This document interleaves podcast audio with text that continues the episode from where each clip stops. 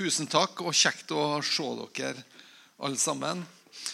Eh, jeg har jo kjørt strekninga Frei Elnesvågen 1700 og noe gang.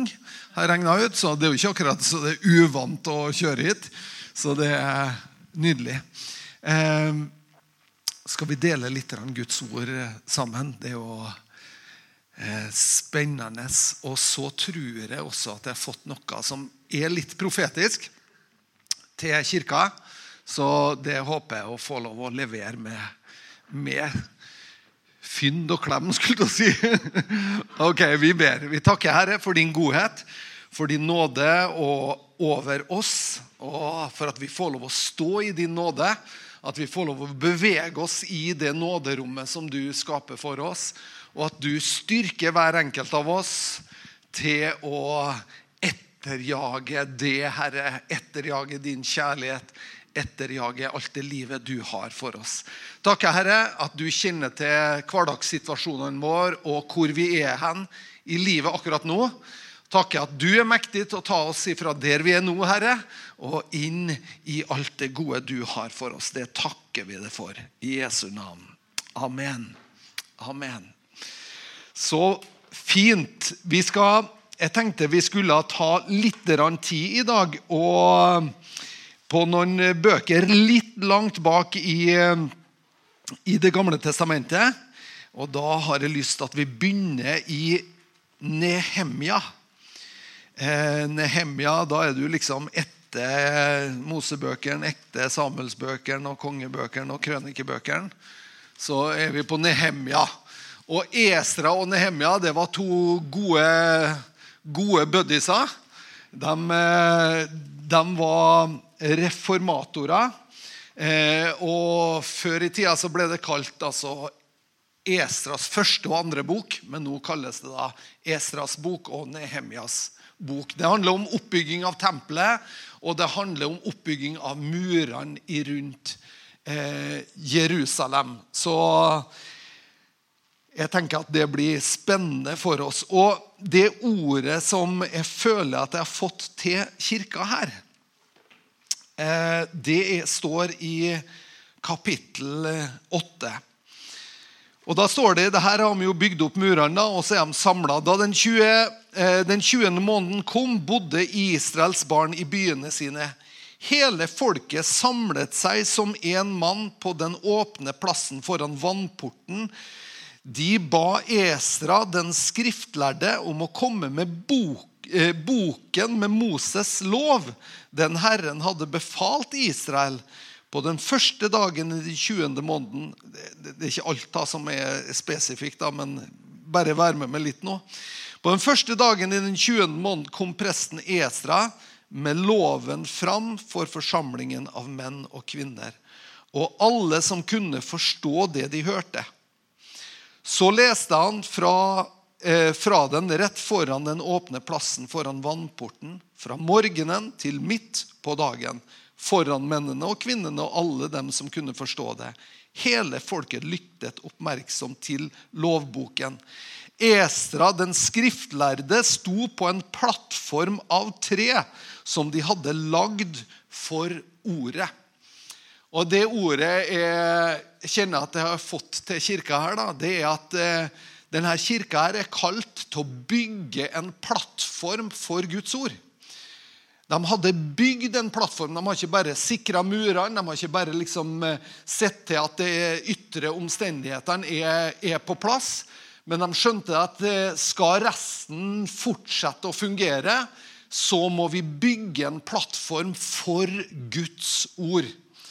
Guds ord må forkynnes. Det er det som bygger styrke inn i livet vår og inn i samfunnet vår. Og det tenkte det er et fantastisk ord som jeg tror på en måte Nordvestkirka kan få lov å ta med seg. Vi er kalt til å bygge en plattform for Guds ord.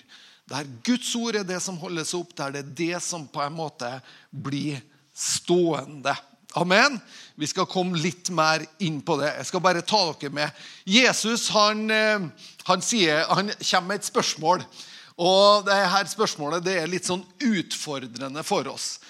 Han stiller et spørsmål i Lukasevangeliet, det sjette kapittelet, vers 46. Så sier han, 'Hvorfor kaller dere meg Herre, Herre, og gjør ikke det jeg sier?'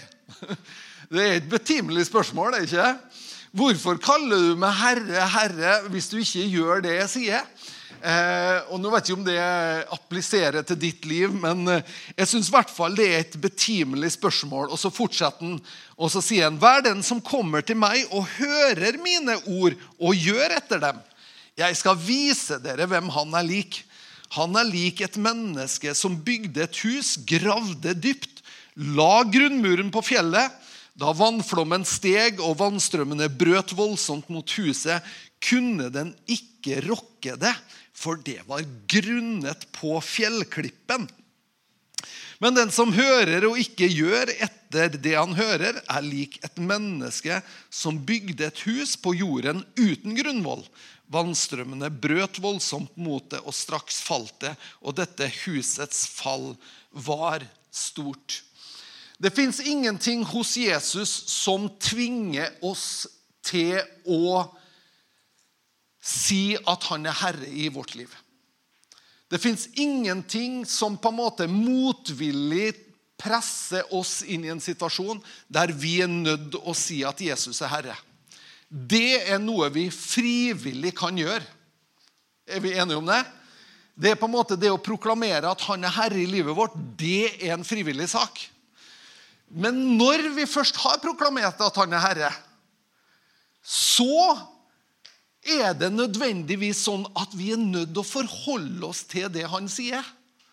Da må vi ta på alvor det han sier. Da kan vi ikke si ja, men du er Herre Jesus, men jeg gjør som jeg sjøl vil. Jeg må på en måte være villig til å si at ok, du er Herre, og det får konsekvenser for meg. Det får konsekvenser i mitt liv. Det får en praktisk tillempning i mitt eget liv. Jeg tror at Guds ord er den styrken og kraften vi trenger for å bygge et samfunn. Det bygger meg personlig, det bygger min familie på en sunn og god måte. Det bygger samfunnet vårt.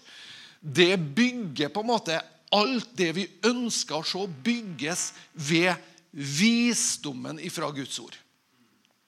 Og Derfor så trenger vi å ha en kjærlighet til ordet, sånn at vi ikke blir lekt lettvektere i forhold til det samfunnet som vi er en del av. For det er sannelig veldig lett at man på en måte kommer inn i noe, og, og så er det samfunnsstrømmer som sier at det her, det, det her, er sannheten som gjelder i vår tid. Eh, og så er det jo litt ubekvemt da, å være liksom litt sånn på kant med, med, det som er allmenngyldig i vår tid. Det er, litt sånn, det er en sånn beklemt situasjon.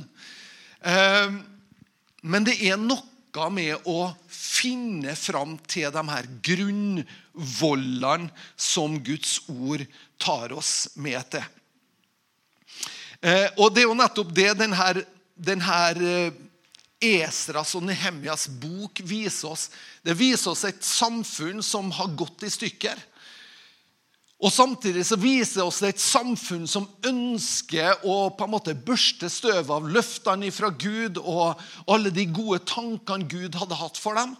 Og Så begynner jeg å børste støv av det, så begynner jeg å se det at wow, det er jo her vi egentlig hører hjemme. Eh, vi finner historier som handler om ei åndelig oppvåkning. Og jeg tenker at vårt folk trenger en åndelig oppvåkning. Ikke bare vårt folk, men verden vi lever i, trenger en åndelig oppvåkning. Hvis vi ser på verden i stort, hvis vi ser på storpolitikken eller det som rører seg i verden, og så stiller vi det her enkle spørsmålet Kunne det ha vært bra med åndens frukter i vår tid? Det er et veldig enkelt spørsmål. Kunne det vært bra med godhet, med, med mildhet, med fred, med saktmodighet? Kunne det ha gjort godt? Altså, Det har gjort fantastisk godt hvis Guds ånd har fått lov å prege samfunnet på en sånn måte at åndens frukter har begynt å blomstre fram i enkeltindivider. I Altså Hadde Putin hatt godt av litt åndens frukter? Altså, Vi skjønner jo selvfølgelig Altså, Alt har sett annerledes ut hvis Gudsriket har fått lov å brette om seg, og åndens frukter har fått lov å prege mennesker. Vi skal gå litt inn i Nehemjas bok. Og Der får vi også et fornya syn på forventninga til Guds ord. Man får et fornya syn på forventninger om hva Guds ord har evne til å gjøre, og hvordan det har evne til å, ut, evne til å lede oss rett. Det handler om samfunnsreformasjon. Det handler om å finne tilbake til noe som har gått tapt. Finne frem igjen den tapte visdommen.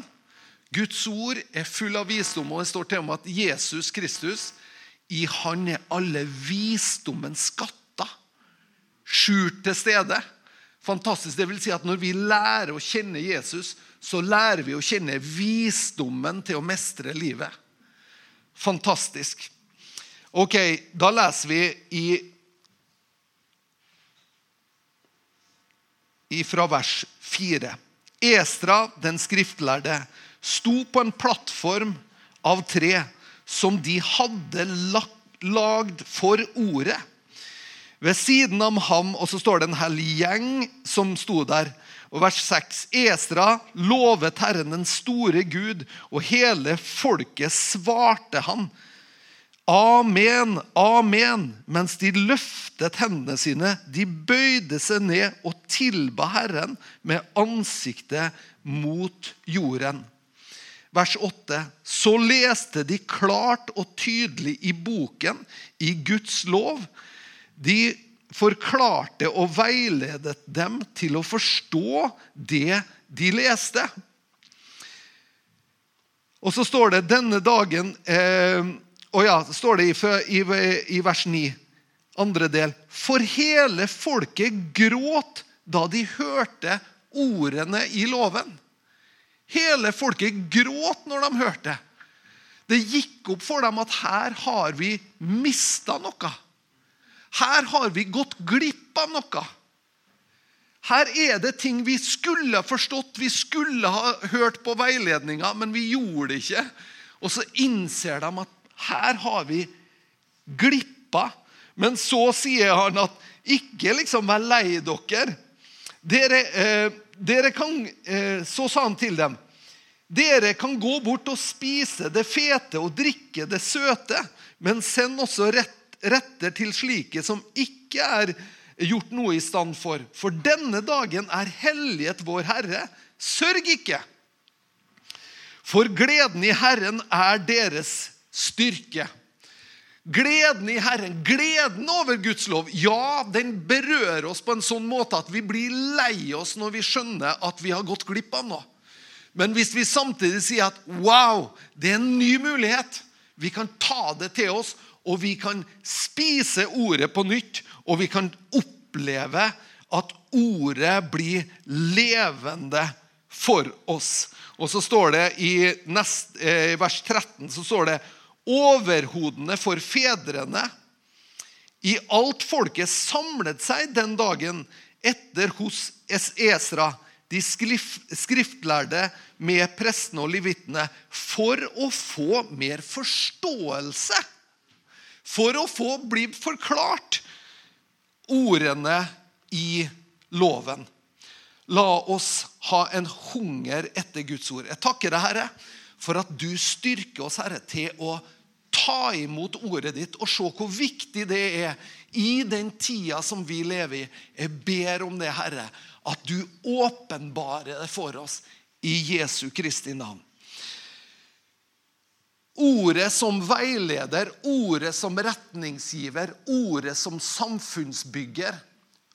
Ordet er det som tydeliggjør for oss retninga vi bør gi oss til.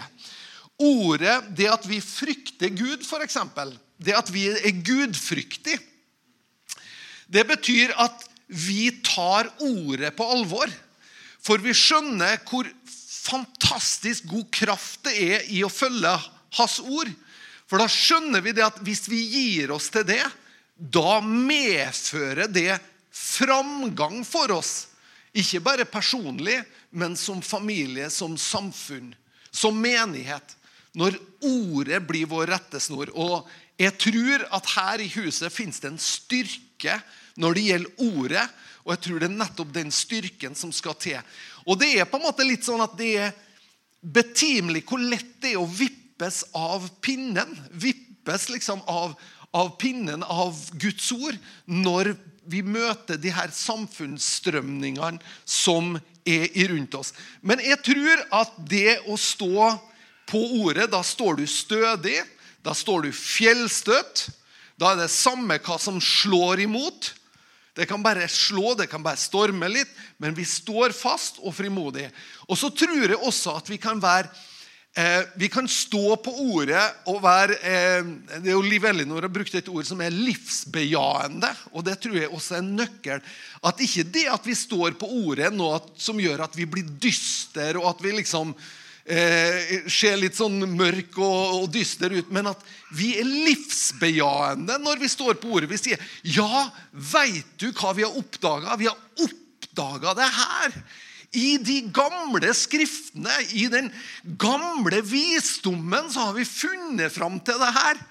Og For noen uker siden så, så var jeg i en samtale med, med to unge jenter. Eh, som, det var en liten sånn intervjusetting.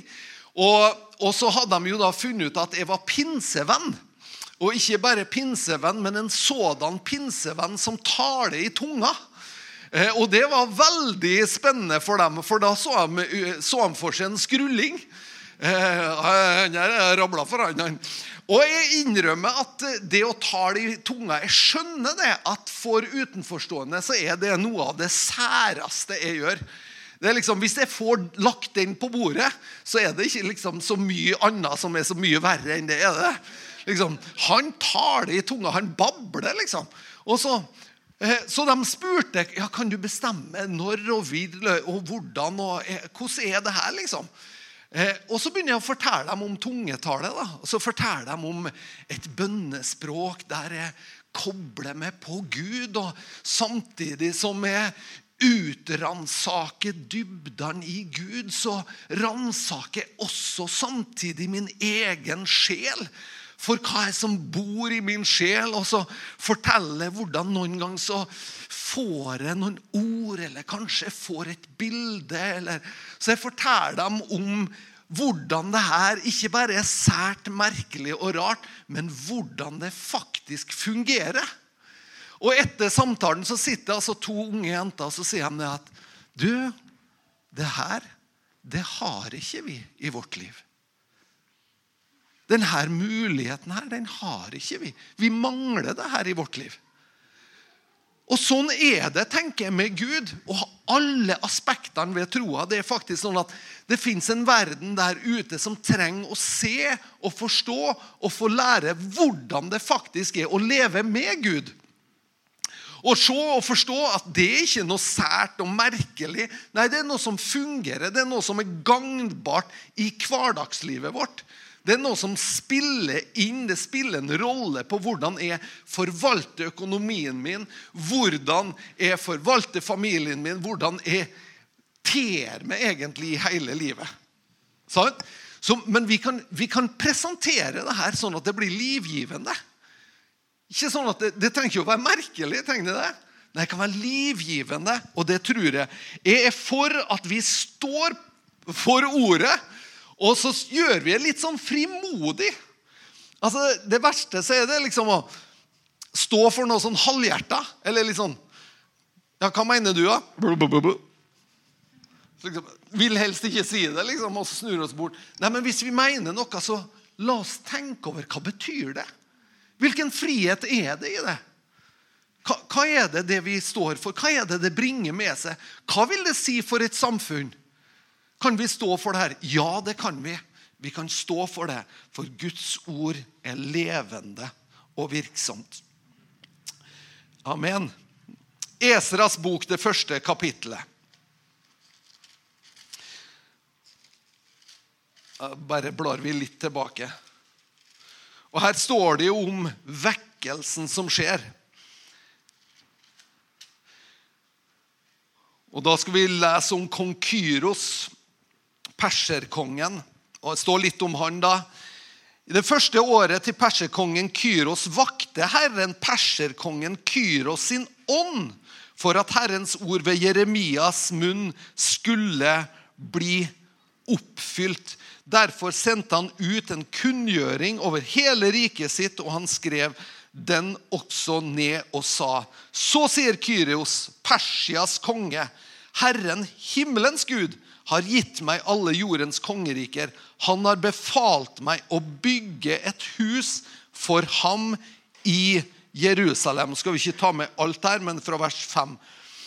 Overhodene for fedrene Juda og Benjamin og prestene og levitene sammen med hver den som var vakt av Gud i sin ånd. Hver den som var vakt av Gud i sin ånd. Da er det vekkelse. Når Gud vekker vår ånd og sier det her er faktisk Det er ikke likegyldig hvordan jeg lever livet mitt. Det er ikke likegyldig hvordan jeg tenker om ting. Nei, jeg må vekkes i min ånd, sånn at jeg skjønner det at det er faktisk viktig hvordan jeg ter meg, og hva jeg bærer med meg i livet mitt. Og de gjorde seg klar til å dra opp og bygge Herrens hus i Jerusalem, står det, ja. Og jeg tenker det her er Det går så i tråd med det som vi også opplever Josva sier. Josva sier at eller Gud sier til Josva i Josva 1,8.: Denne lovboken skal ikke vike fra din munn. Men du skal meditere på den dag og natt, så du vokter deg, så du gjør etter alt det som er skrevet i den.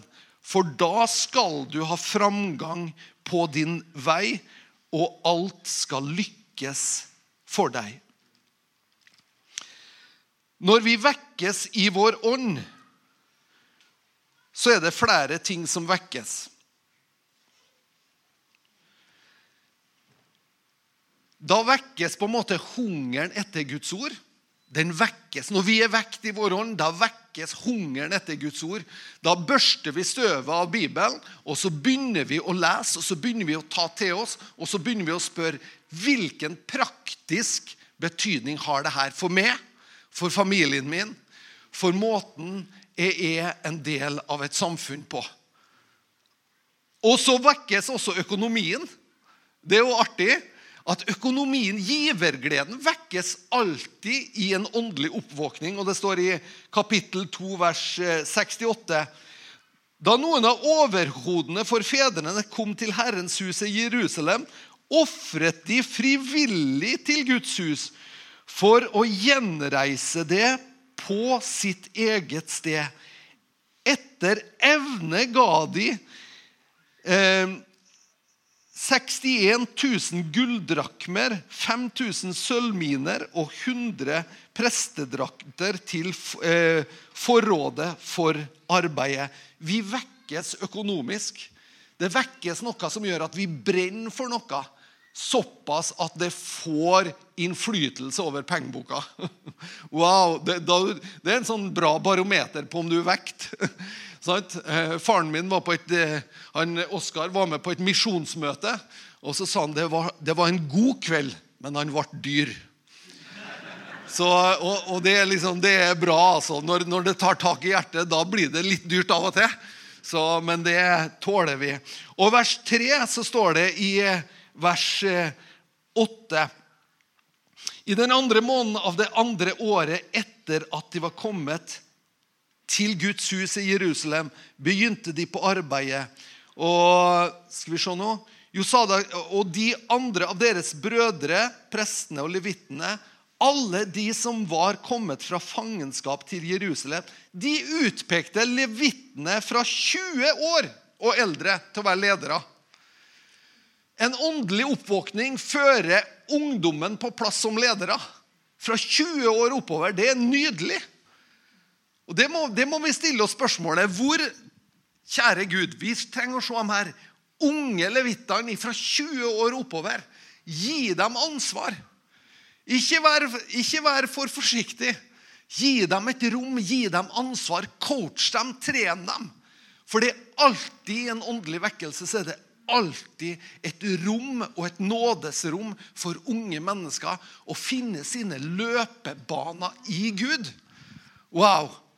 Og så skal jeg bare ta med et eh, vers til fra det niende kapitlet. Og det handler om at vi trenger hjelp til å vite hvor vi sjøl kommer ifra. Hvis vi er klar over hvor vi sjøl kommer ifra, da er vi også veldig nåderik overfor andre. Da er vi nåderike overfor andre rundt oss. Og Her står det i vers 9, kapittel 9. For vi har vært slaver. Likevel forlot ikke vår Gud oss i vår trelldom. Hvor kommer vi fra? Har ikke jeg sjøl vært en slave under synda? Har ikke jeg sjøl vært en slave som har vært kuva av denne verdens ånd? Og Det gjør at vi er også nåderike imot andre mennesker. Det gjør at vi skyter ikke nesen i været og tenker at vi er noe spesielt. Nei, vet du noe? Vi er alle avhengig av Guds nåde. Og det er ved Hans nåde vi står. Men la oss huske på det. Vi var alle slaver. Men han ga oss velvilje hos kongen i Persia, så han kunne gi oss livskraft til å bygge vår Guds hus, til å gjenreise det fra ruinene og til å gi oss en fast mur i Juda og i Jerusalem.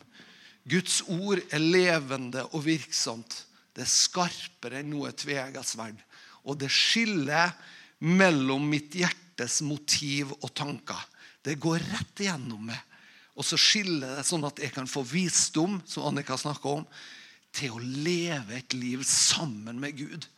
Sånn at jeg kan få visdom til å forvalte de her dagene og denne tida som vi har fått på jorda. Elsk Guds ord. Guds ord står fast. Det står fast. Det vil aldri svikte. Og vi trenger en åndens vekkelse som gjør at vi bare våkner opp og bare hungrer og lengter etter Guds ord. Amen. Amen.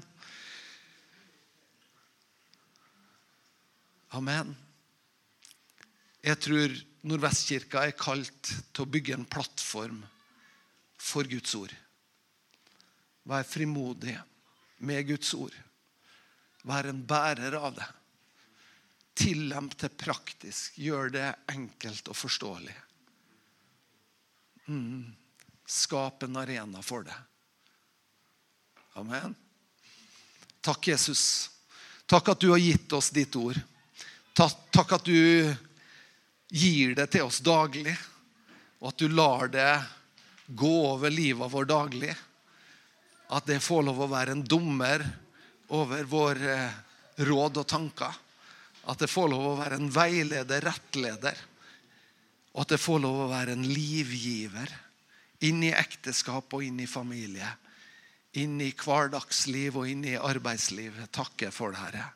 Takk for din nåde som er over oss, Herre og at vi får lov å øse fritt og uforskyldt, Herre, av dine kilder.